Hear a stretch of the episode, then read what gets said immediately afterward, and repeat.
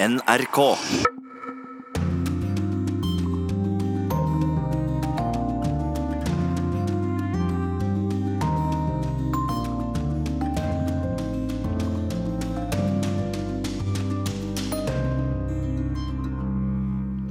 Venezuela har to stridende presidenter og intet demokrati.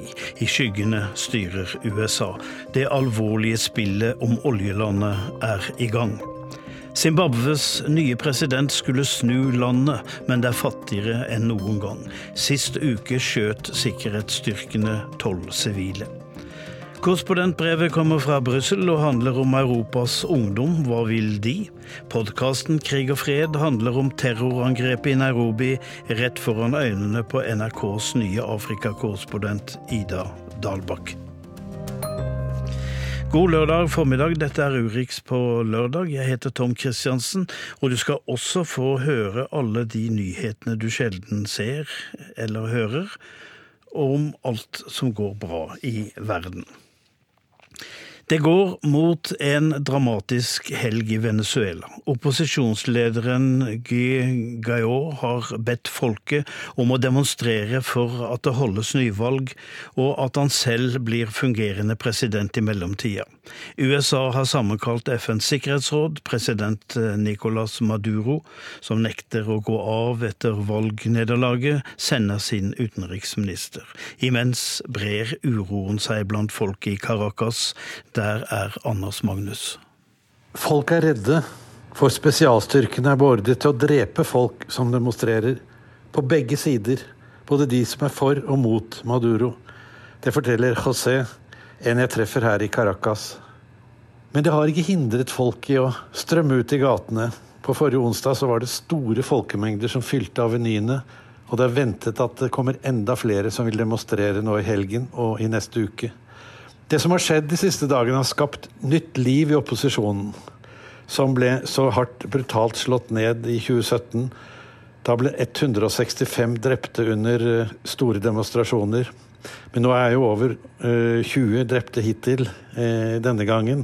Men allikevel så samles altså folk her i Venezuela til nye demonstrasjoner mot makthaverne.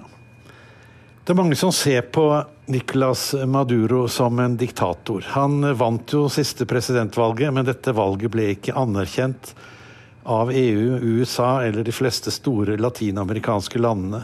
Og det er disse landene og organisasjonene, EU og organisasjonene for amerikanske stater, som nå sier at de ikke anerkjenner ham som president, men tvert imot eh, den nyvalgte presidenten i nasjonalforsamlingen, Juan Guaidó. Dette er en nokså ukjent mann, men han er den som opposisjonen har klart å samle seg rundt. For opposisjonen vant jo eh, valget til nasjonalforsamling i 2015. Det var det siste åpne demokratiske valget i eh, Venezuela, ifølge internasjonale observatører. Og Derfor så mener jo også det internasjonale samfunnet, i hvert fall store deler av det, at det er lederen for nasjonalforsamlingen, presidenten i nasjonalforsamlingen, som også er Juan eh, Guaidó, at det er han som er den rette til å ta over som midlertidig president inntil det kan holdes nyvalg. Men hvordan begynte denne konflikten i Venezuela? Tidligere Latin-Amerika-korrespondent Joar Larsen har sett på historien, men begynner likevel i Caracas for to uker siden, da protestbølgen oppsto.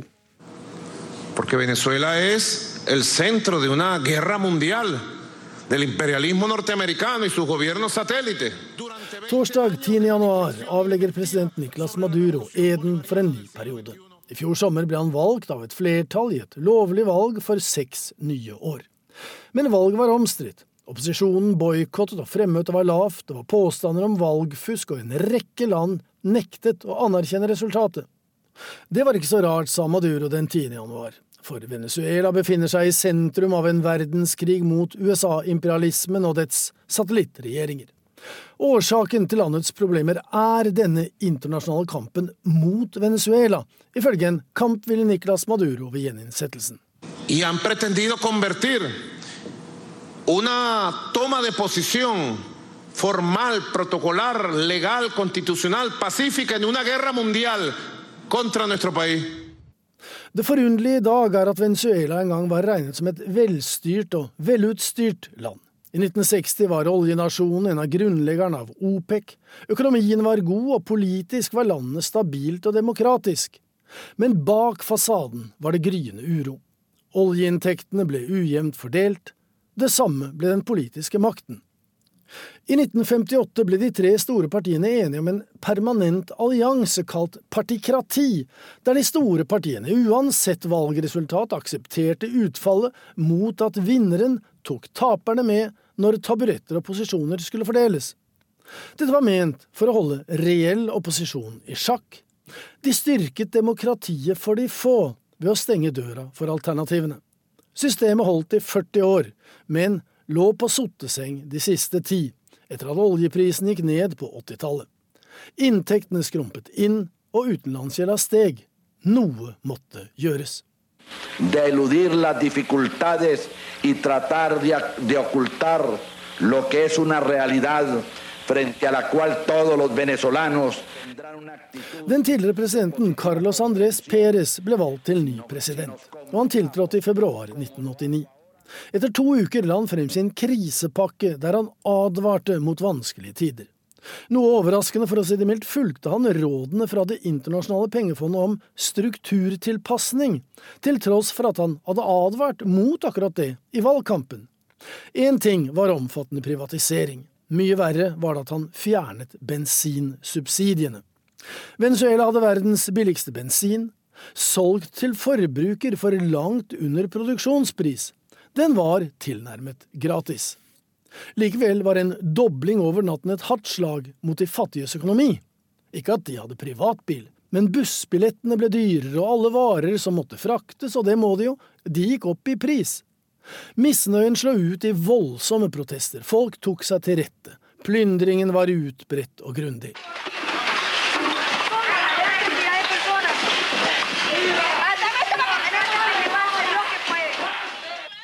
Uoffisielt ble 2000 mennesker drept den uken Caracaso, altså slaget om Caracas, pågikk i februar 1989.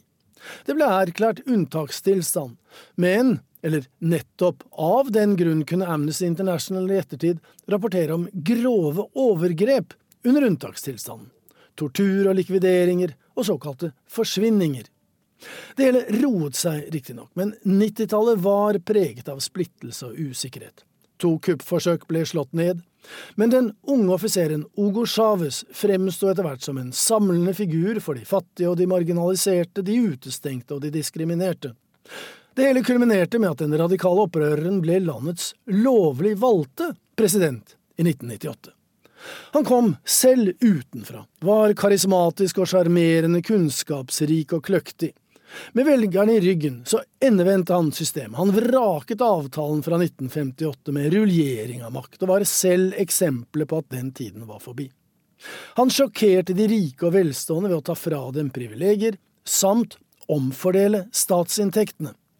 De ble i stadig større grad overført til sosiale programmer i det Chávez kalte den bolivarianske revolusjonen, oppkalt etter nasjonens store sønn, revolusjonshelten Simón Bolivar, og med Fidel Castro som rådgiver og politisk forbilde. De velstående, som fremdeles hadde det bra, følte selv at de betalte en svært høy pris, og ga Chávez skylden for sin fornemme nød. Mens de som aldri hadde vært i en posisjon der de kunne kreve noe som helst, de tilba mannen. Medaljens bakside var at de gode hensiktene var dyre, og verken politisk eller økonomisk bærekraftige. El diablo está en casa, pues. El diablo, el propio diablo está en casa. Ayer vino el diablo aquí. Hugo Chávez var en annerledes president. I 2006 talte han USA midt imot fra FNs talerstol i New York, og nøt rollen som politisk bajas, selv om han hisset på seg de som var mer opptatt av kontroll og kutyme. Han styrte Venezuela nesten som han ville. Motstanderne kunne protestere i hundretusenvis, men han hadde folket, med stor F, i ryggen, og flertallet i nasjonalforsamlingen vedtok reformer som ga ham stadig utvidede fullmakter, men samtidig flere fiender.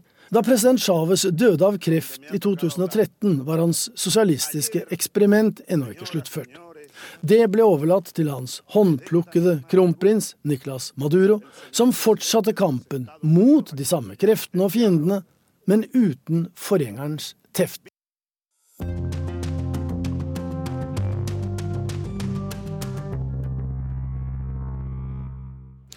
Hva går det av sikkerhetsstyrkene i Zimbabwe? De voldtar kvinner under husransakelser, de har drept tolv demonstranter. Forrige helg brøt det ut voldsomme protester i Zimbabwe etter at bensinprisene ble mer enn fordobla. President Emerson Nangagwa avbrøt en internasjonal reise og vendte hjem. Han sa at styrkene hadde gått for langt og hoder skulle rulle.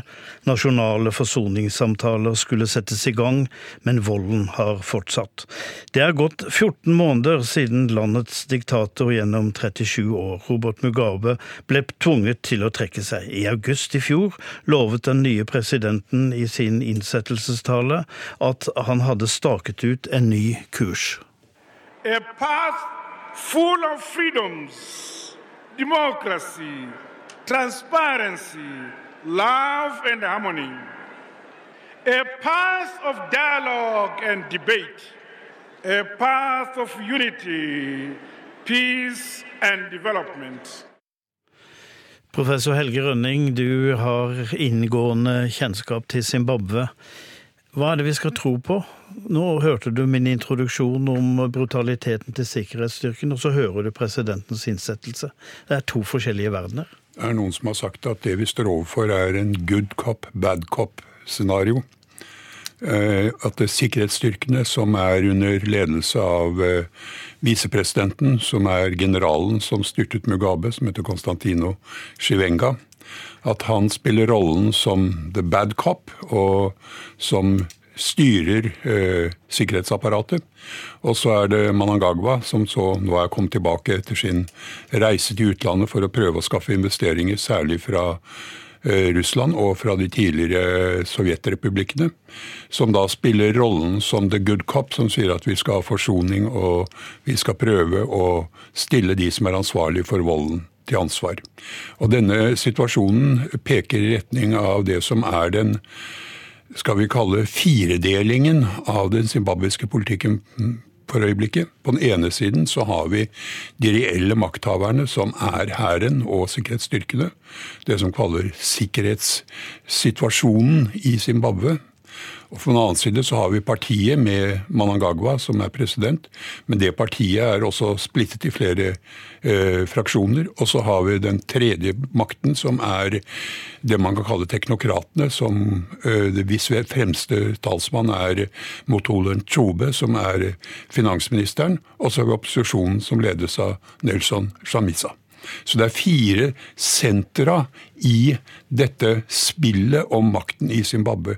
Og det er det vi ser nå utspille seg. Men har presidenten kontroll over disse fire elementene? Nei, han har ikke engang kontroll over partiet, så vidt vi vet. Fordi at partiet er splittet i ulike fraksjoner, noe som også viste seg allerede da Mugabe ble styrtet. Ja, altså SANU PF heter eh, Det er en lang historie. Men eh, Mugabe hadde jo lenge full kontroll over partiet, og partiet grodde jo inn i regjeringen. Ja, og det er det som Managagwa, da etter å ha blitt avsatt som visepresident, så kom tilbake på skuldrene til hæren. Eh, nå prøver da å holde den samme rollen som Mugabe hadde, men det er han ikke i stand til. Så i realiteten så er det hæren som har makten i Zimbabwe. Men hæren holder jo til i brakkene?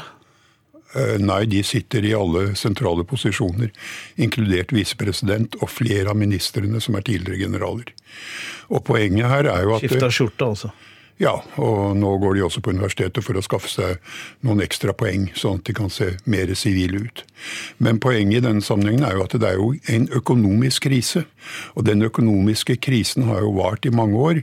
Men da Manangagwa kom til makten, så sa han vi skal løse den økonomiske krisen. Men så var det etter valget så store demonstrasjoner som gjorde at de investeringene som man ventet fra vestlig side, de kom ikke. Og pga. at investeringene ikke er kommet, så ligger den zimbabwiske økonomien med brukket rygg.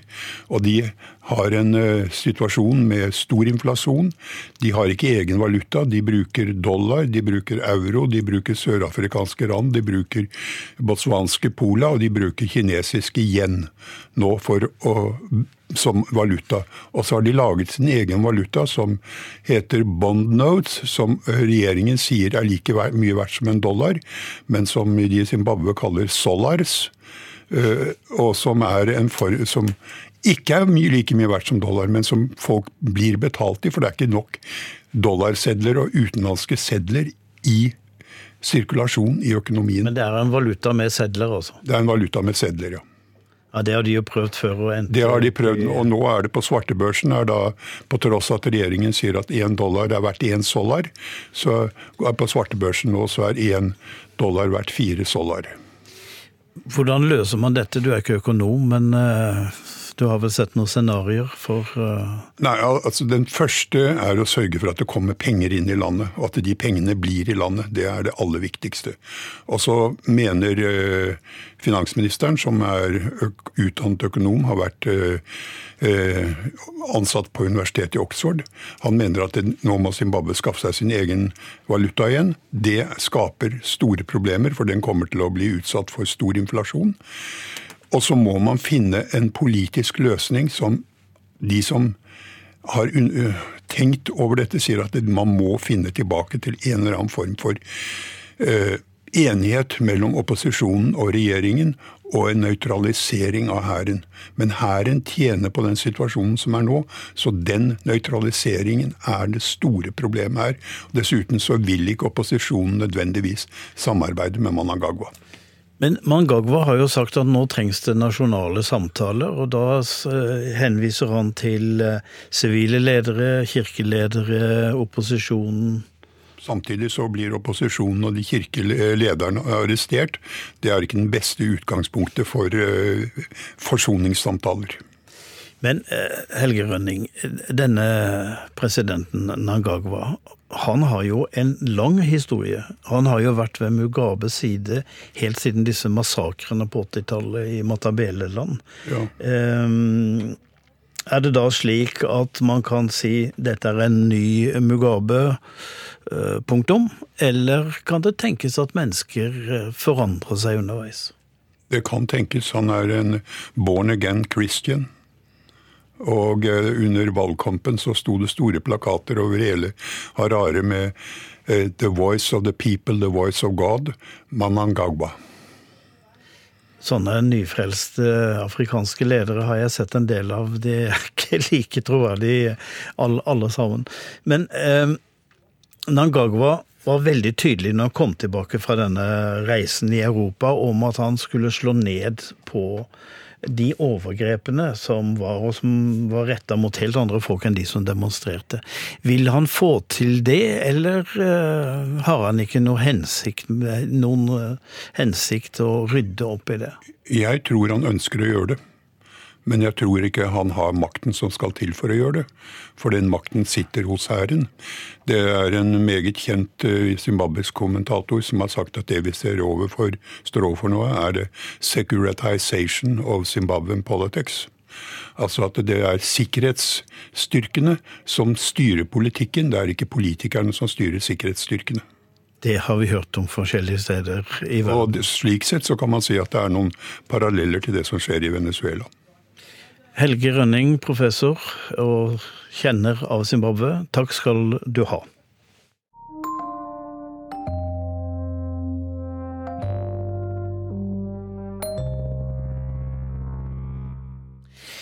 Ja, nå har vi hørt om krisa i Venezuela og kaos i Zimbabwe, og seinere skal vi innom terrorangrepet i Nairobi sist uke.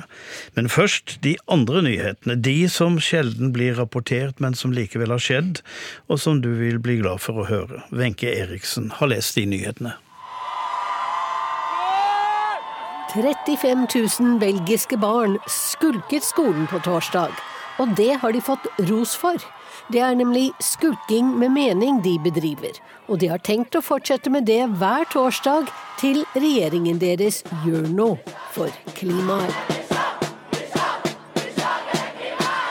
Vi er hottere enn klima, ropte de mens de omringet EU-parlamentet.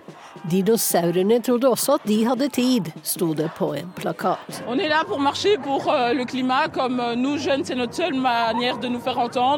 vi marsjerer for klima, dette er den eneste måten vi unge kan bli hørt på. Og siden regjeringen ikke gjør noe, så må vi, sier Faiza til Reuters. One, two,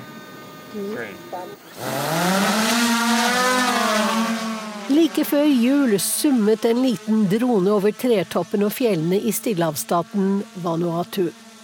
Med seg på den 40 km lange turen til en avsidesliggende landsby hadde den en dyrebar last. En kjølebag med vaksiner mot hepatitt og tuberkulose. En måned gamle Joy Nowai gledet seg ikke akkurat over at hun ble det første barnet i hele verden som fikk en dronelevert vaksine. Men Unicef mener at teknologien kan gjøre det mulig å nå hvert eneste barn.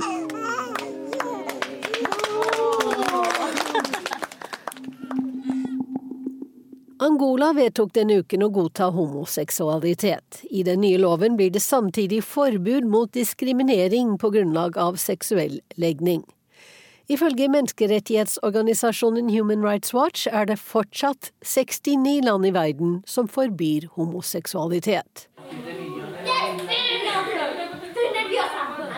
Men i Chile har de åpnet Latin-Amerikas første skole for transseksuelle barn. Me trataban súper mal, me empujaban. Inclusive hubo un tiempo 16 år gamle Angela er en av rundt 20 barn som går på den private skolen i Santiago. Hun forteller til Ap at hun opplevde så sterk mobbing på sin forrige skole at hun vurderte å ta sitt eget liv. Mange transseksuelle barn i Chile dropper ut av skolen pga. trakassering. Entonces, porque más encima los niños cuando llegan acá las primeras veces llegan muy, se van muy tranquilos. Med en gang de kommer hit, blir de rolige. De har kanskje aldri møtt andre i samme situasjon før, sier Himena Maturana. Det er hun som driver skolen med sine egne penger, men fra mars vil det koste vel 50 kroner per måned. Når barna ser andre transseksuelle, så deler de opplevelser og oppdager at de ikke er alene. Chile vedtok nylig en lov som gir personer over 14 år rett til å endre navn og kjønn i landets offentlige registre. Etiopia har gitt én million flyktninger rett til å søke arbeid og bosette seg utenfor flyktningleirer. Hensikten er å gi dem større verdighet og gjøre dem uavhengig av bistandspenger. Til slutt til Bagdad, der motorsykkelklubben Iraq Bikers vekker stor oppsikt. Og ikke bare pga. sine brummende tohjulinger og svarte skinnjakker. Målet er å skape et brorskap i vår felles kjærlighet for motorsykler på tvers av trosretning, politikk, klasse og etnisitet, sier grunnleggeren Bilal al-Bayati til Reuters. Det er absolutt forbudt å snakke om politikk. Da blir du kastet ut. Vi orker ikke mer av de tragediene vårt land har opplevd, sier lederen for motorsykkelklubben.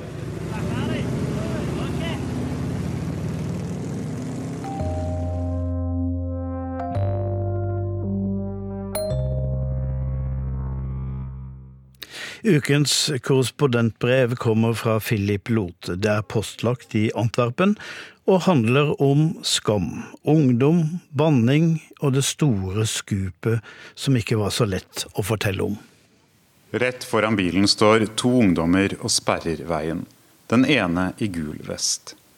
Tidspunktet er sent på kvelden den 6. desember. Stedet er Surenborg i Antwerpen. I baksetet sitter alle tre barna fra 12 til 16. De er hentet etter treninger. Vi svinger inn i vår gate, Kogels Åsile, Europas best bevarte bygate i art nouveau-stil. Den første tanken da den unge jenta og gutten står foran bilen, er at dette er en protest.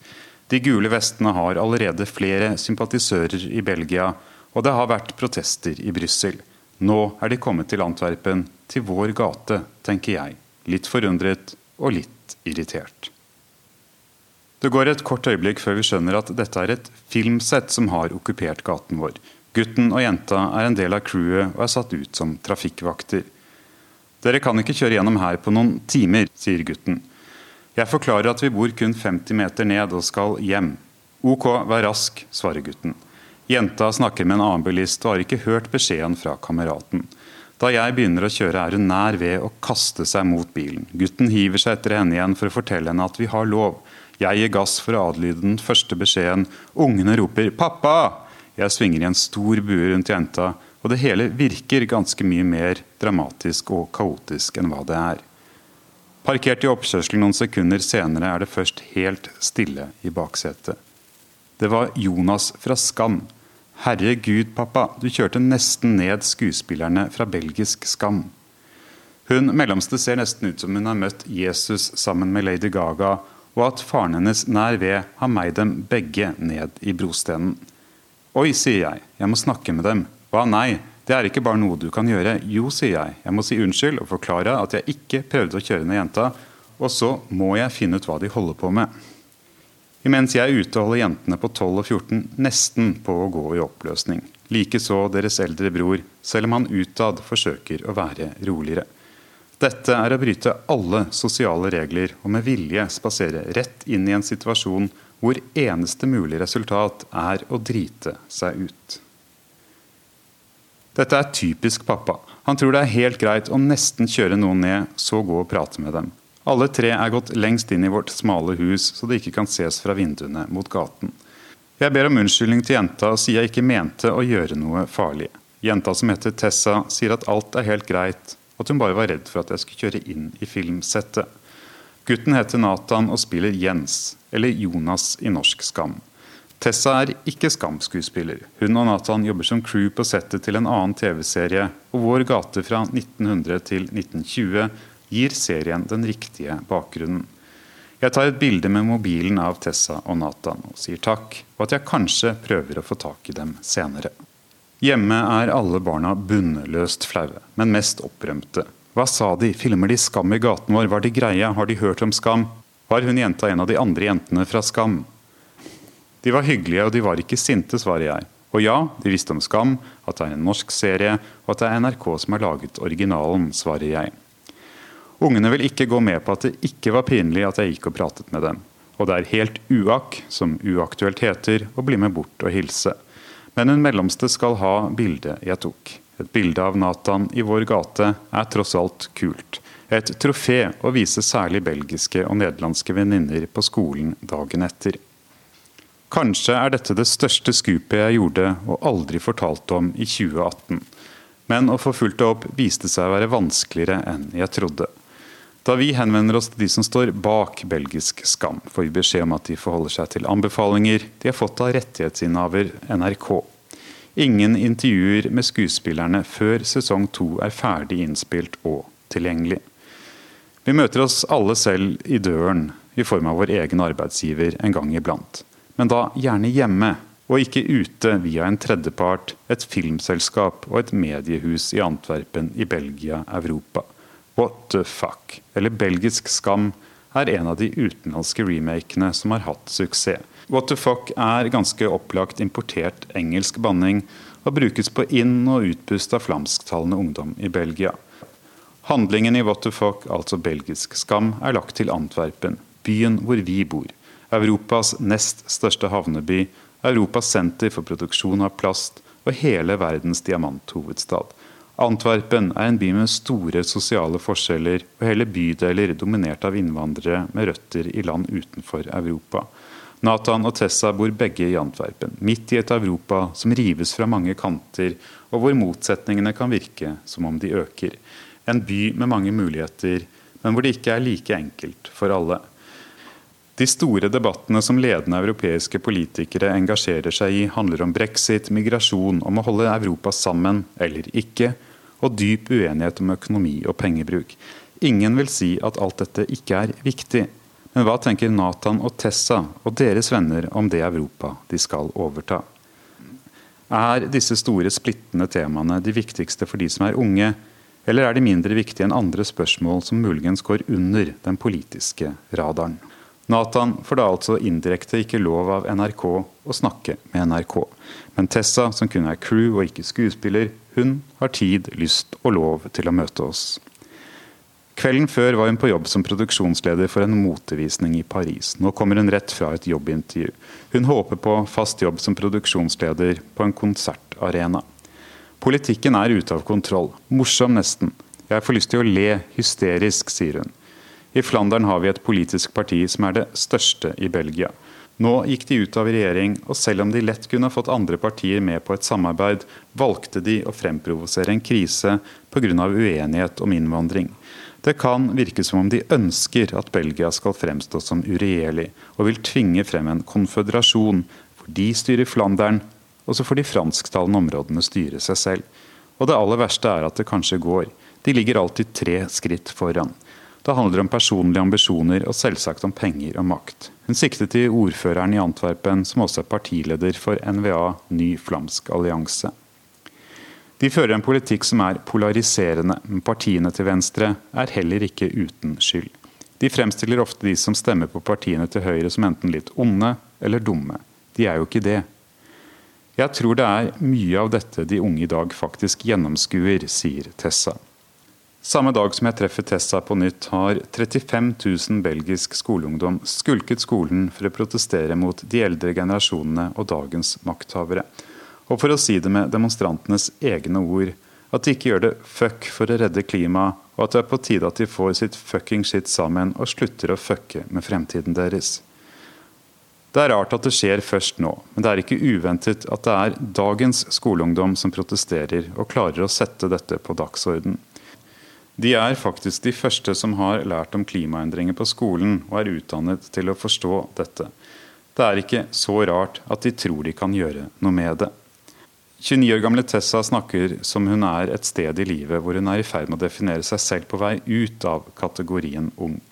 Hun sier vennekretsen hennes er fra 20 til 35, og som jeg selv så desemberkvelden i vår gate, jobber hun mye sammen med helt unge mennesker og kan tilbringe timer ventende på filmsett med alt fra unge skuespillere på randen av berømmelse som Nathan, til crew-arbeidere som håper på å få en fot innenfor film og underholdning. De tenker mye på fremtiden, men på en måte tar de det litt lettere. De er mer drømmende. Jeg sliter mer med selve øyeblikket. Likevel skjønner de mer enn hva jeg gjorde for ti år siden. At verden er fucket opp, og de vil gjøre noe med det. De er veldig klar over det. De tror de i større grad må stole på seg selv. Ganske enkelt. Fuck it, vi må klare oss på egen hånd, sier Tessa og smiler litt.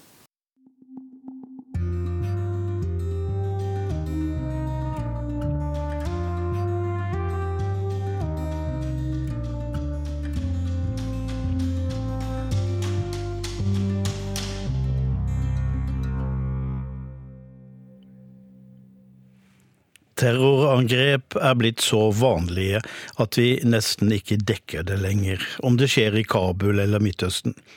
Men det finnes unntak. Dagens Urix-podkast Krig og fred handler om en slik. Hvordan ser et terrorangrep ut på nært hold, litt for nært hold? Den er laget, denne podkasten, av Tore Moland og Tove Bjørgaas. NRK.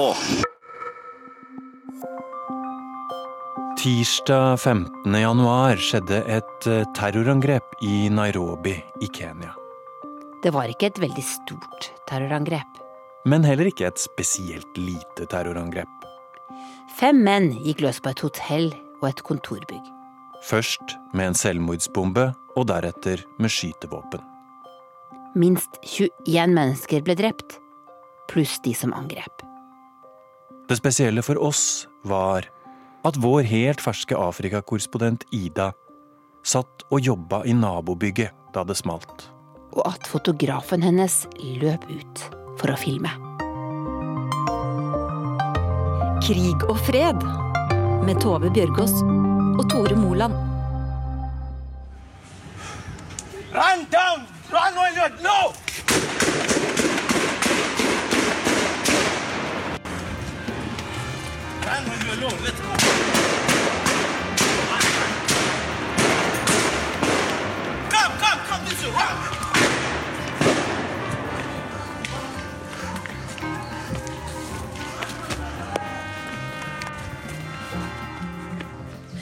Vi satt og redigerte i leiligheten, jeg og fotografen min. Det hadde plutselig smalt kraftig utafor vinduet. Det rista i bygningen.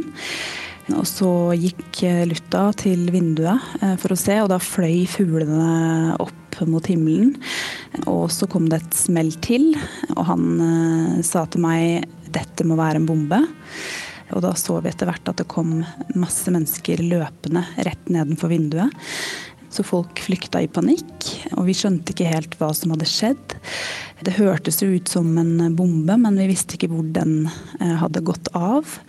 Og vi hørte liksom biler som pælta, og det var mye kaos i området. Og så løp fotografen min ned og sa ta med deg kamera, eh, vi må ut, her skjer det noe. Og jeg merka at jeg holdt litt igjen på det, fordi jeg visste ikke helt hva som foregikk utafor vinduet. Og jeg så jo at folk rømte fra noe, og det visste jeg jo ikke hva var ennå. Så jeg kjente at jeg somla på en måte litt med vilje og holdt litt igjen på å løpe ut døra.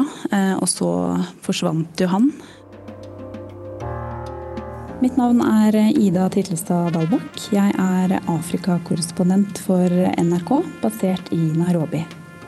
Og Du var veldig fersk i jobben da dette skjedde. Ja, da hadde jeg vært her i bare en eh, uke. Eh, what's what's happening down there? It's a terrorist attack. explosion. Uh, it's an explosion. It's uh, lots of gunshots now. As a cameraman, your adrenaline kicks in very quickly. And uh, when something like that comes, you just want to get off and go find the story of what's happening.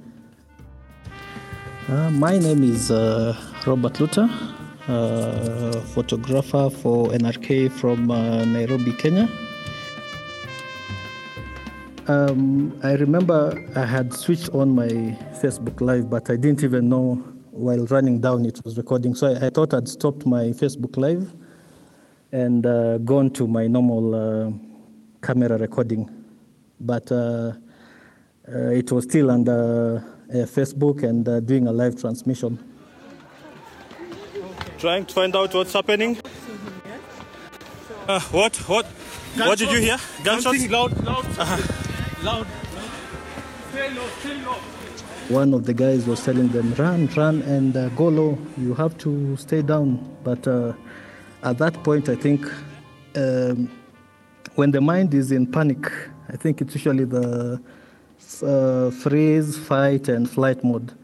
Everyone was more of in a freeze mode than uh, flight and, and fight. So uh, most people were caught out of the freeze moment where they could not uh, do anything about it.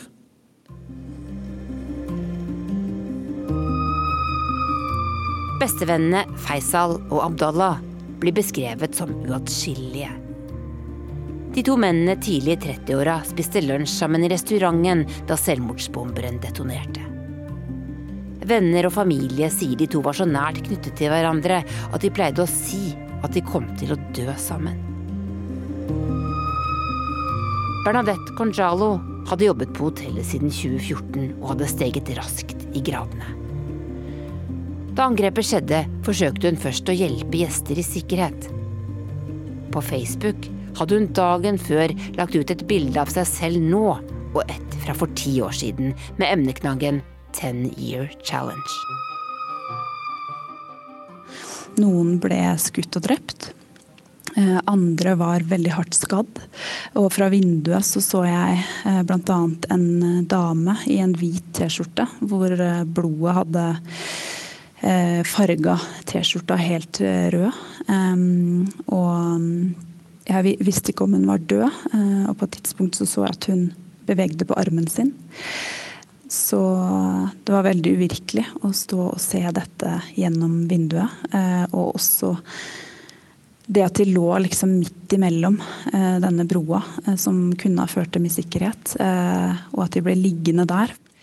For meg så følte jeg at denne broa ble på en måte som et slags bilde på veien over til livet og sikkerheten. Eh, og at døden var på den andre siden. Det var eh, den broa som redda 700 mennesker eh, som løp over der. Men de som kom aller sist, de ble skutt av terroristene. The security operation at Dusit complex is over and all the terrorists eliminated. Det vi vet, eh, er at det var eh, fem terrorister. Det er i hvert fall det som har kommet ut fra myndighetene. En av dem sprengte seg selv i lufta på en restaurant som heter Secret Garden ved hotellet. Og mm, de andre eh, gikk da inn og delte seg opp i bygningene. To av dem skal ha gått inn i hotellet i første omgang, og to skal ha gått inn i kontorbygget. Og så gikk de da systematisk gjennom og mm, ja, med våpen og skjøt mennesker som satt uh, inne der. Og etter hvert så skal uh, politiet ha pressa disse terroristene opp, helt opp i syvende etasje, hvor de barrikaderte seg. Og til slutt om morgenen, etter at dette hadde foregått i mange timer, så brøt de seg inn på dette rommet og skjøt uh, terroristene. Ja, Det tok ganske lang tid, det hele? Ja, det tok eh, over 20 timer. Eh, det begynte jo rundt halv fire lokal tid eh, på ettermiddagen, og det var ikke over før rundt i hvert fall 11 dagen etterpå. Men likevel så sier flere her nå at dette gikk raskere og var mer effektivt enn det det var under Westgate-angrepet. I september 2013 var det kjøpesenteret Westgate som ble stormet av Al Shabaab. I Kenyas hovedstad Nairobi er mange mennesker drept og flere tatt som gisler av væpnede og maskerte menn på et stort kjøpesenter. Mennene kastet granater og skjøt rundt seg med automatvåpen da det gikk til angrep på kjøpesenteret Westgate Mall. Kanskje husker du bildene av mødre med barn som gjemte seg under bordene på en restaurant der inne. Angrepet varte i fire dager, og 67 mennesker ble drept. Fasjonable Westgate ligger like ved hotellet i Nairobi som ble angrepet denne gangen. Det er et businessområde. Det er eh, en del fine hoteller, eh, fine barer og restauranter. Det er middelklasse og øvre middelklasse i stor grad som bor der. Det er mange utlendinger som har bosatt seg i denne delen av eh, Nairobi. Så du framstår som en moderne metropol. Er det også derfor det blir plukka ut som terrormål? Jeg er ikke i tvil om at det området slår de til mot, fordi de vet at det får mye oppmerksomhet hvis også utlendinger rammes av terror. Jeg heter Anders Hammer. Jeg jobber med å lage dokumentarer, stort sett, fra konfliktområder. Jeg bodde i Afghanistan i rundt seks år, og har også lagd en del dokumentarer fra Irak og Syria. Og en fra Kenya. To fra Kenya. Når det smeller, så iler vi journalister til for å snakke med øyenvitnene, for å fortelle om ofrene, men gjerningsmennene de veit vi sjelden så mye om. Men da det smalt på Westgate i 2013, så fatta du interesse for én av de som sto bak angrepet. Hvorfor det?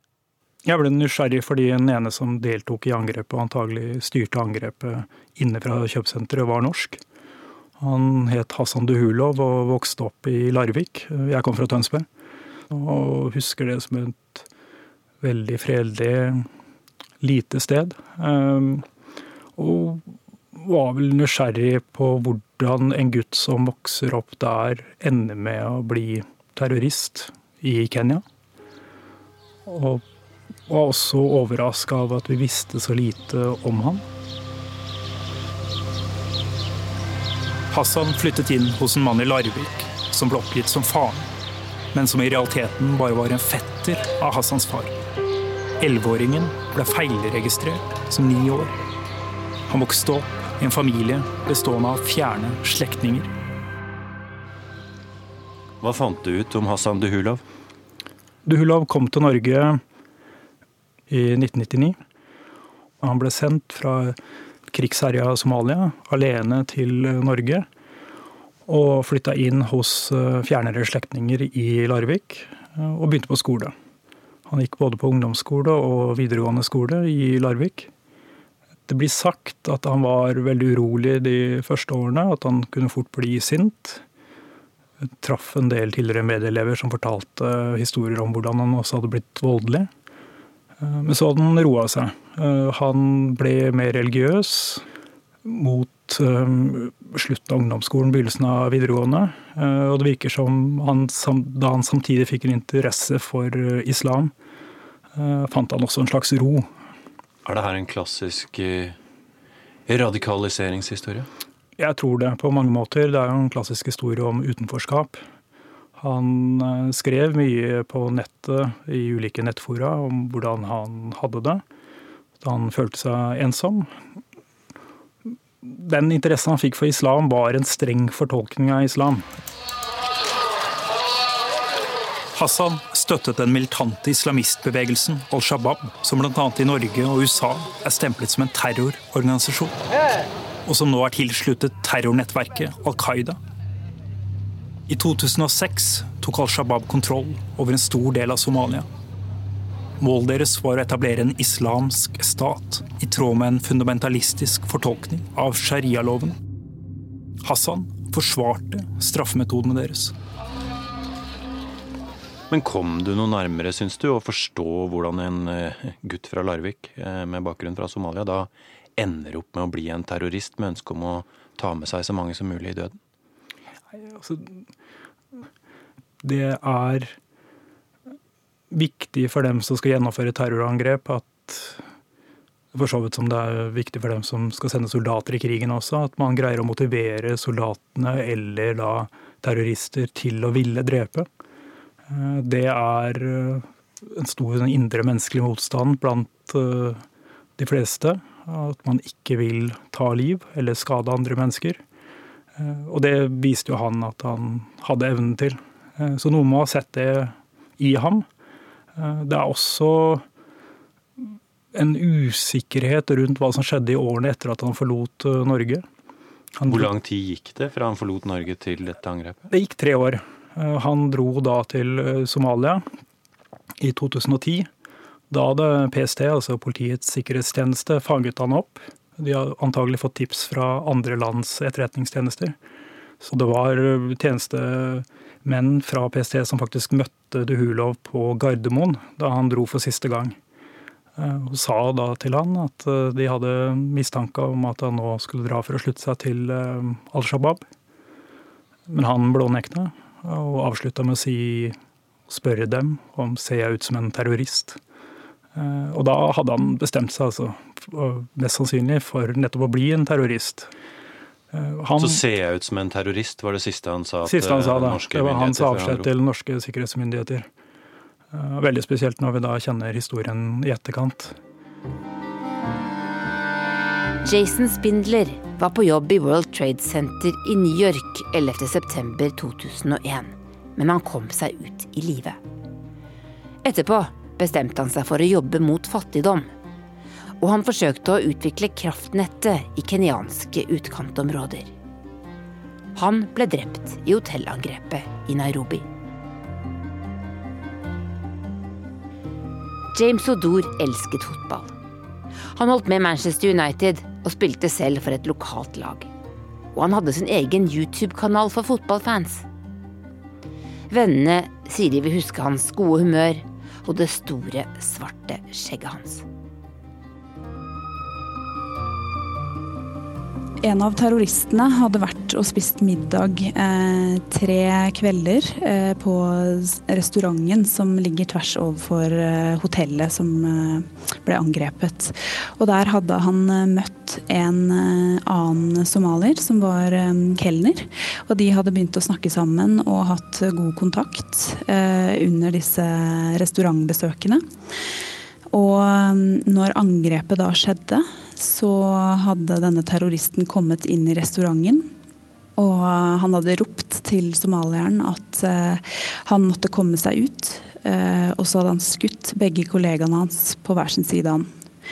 Men han uh, ble altså spart av terroristen, og det viser jo også at i den type situasjoner så, så er, var de også mennesker. og denne terroristen hadde altså knyttet seg til mannen som han hadde vært og blitt servert av på restauranten, og sparte altså livet hans.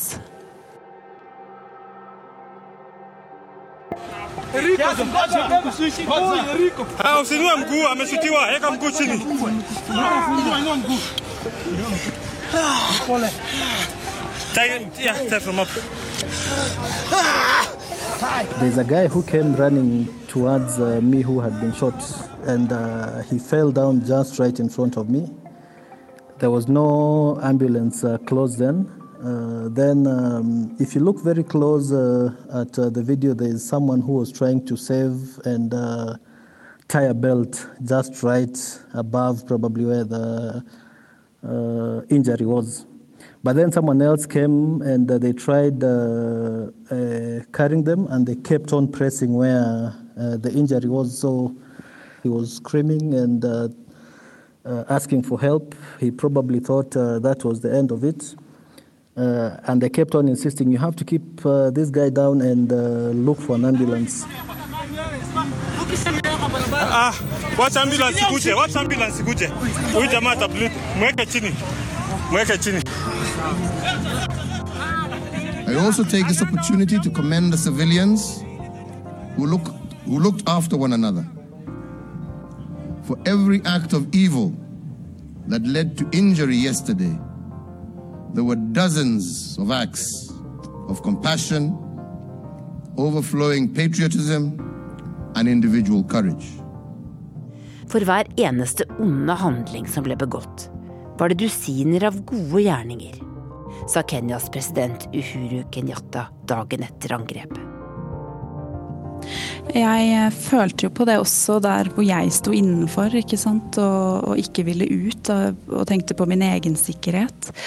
Eh, og så så jeg mennesker som, som krabba ut og dro skadde mennesker eh, i havn og, og redda liv. Um, og tenkte jo litt Er jeg egoistisk som står inne og ser ut av vinduet? Men eh, det var utrolig sterkt å se hvordan, eh, ja, hvordan folk eh, virkelig gjorde sitt ytterste i den utrolig farlige situasjonen.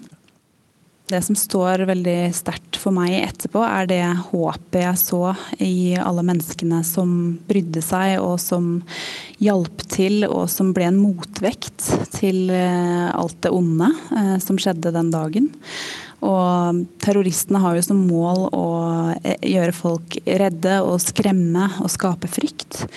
Men for meg så, så ble det veldig sterkt akkurat dette at eh, det var så mange som viste mye kjærlighet og, ja, og hjalp til i den situasjonen. Og det gir jo håp. Og Ida, dette skjedde en uke inn i din tid som Afrikakorrespondent. Hvordan tror du det kommer til å forme deg og den jobben du skal gjøre? Jeg tror at en sånn opplevelse, når det får roa seg litt, når nervene legger seg litt og jeg ikke skvetter av høye lyder så mye lenger, så tror jeg på en måte at, eh, at det er nyttig å ha vært i en sånn situasjon. Eh, fordi jeg kan relatere meg bedre til mennesker som har opplevd terror det gir en annen eh, innsikt å faktisk ha vært i den eh, situasjonen selv. Og det føler jeg at eh, jeg som journalist kan bruke når jeg møter folk. At jeg, at jeg forstår det bedre, rett og slett.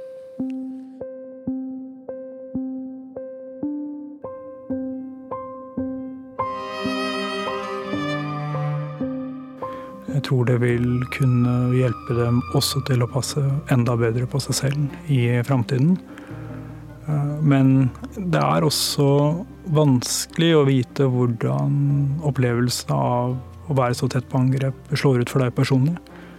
Det kan ta veldig lang tid å oppdage hvordan det endrer deg som person, og det kan ha mye større og negative innvirkninger på deg enn det du er bevisst på.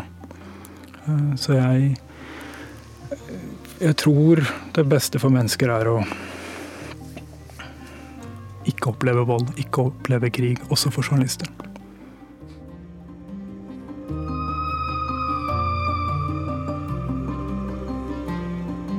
Du har hørt podkasten Krig og fred fra NRK Urix.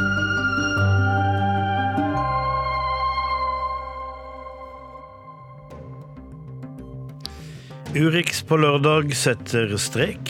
Følg ellers utenriksnyhetene her i NRK. I Søndagsrevyen skal vi høre mer om europeisk ungdom og kampen for et bedre klima, om sørafrikanere som danser seg ut av depresjonene, og om Tyrkia, som er blitt et paradis for dem som mangler hår på hodet. Og glem ikke Urix-sendingene våre på NRK2. Teknisk ansvarlig for denne sendinga har vært Erik Sandbråten, produsent Ingvild Ryssdal, og jeg heter Tom Christiansen. God ettermiddag.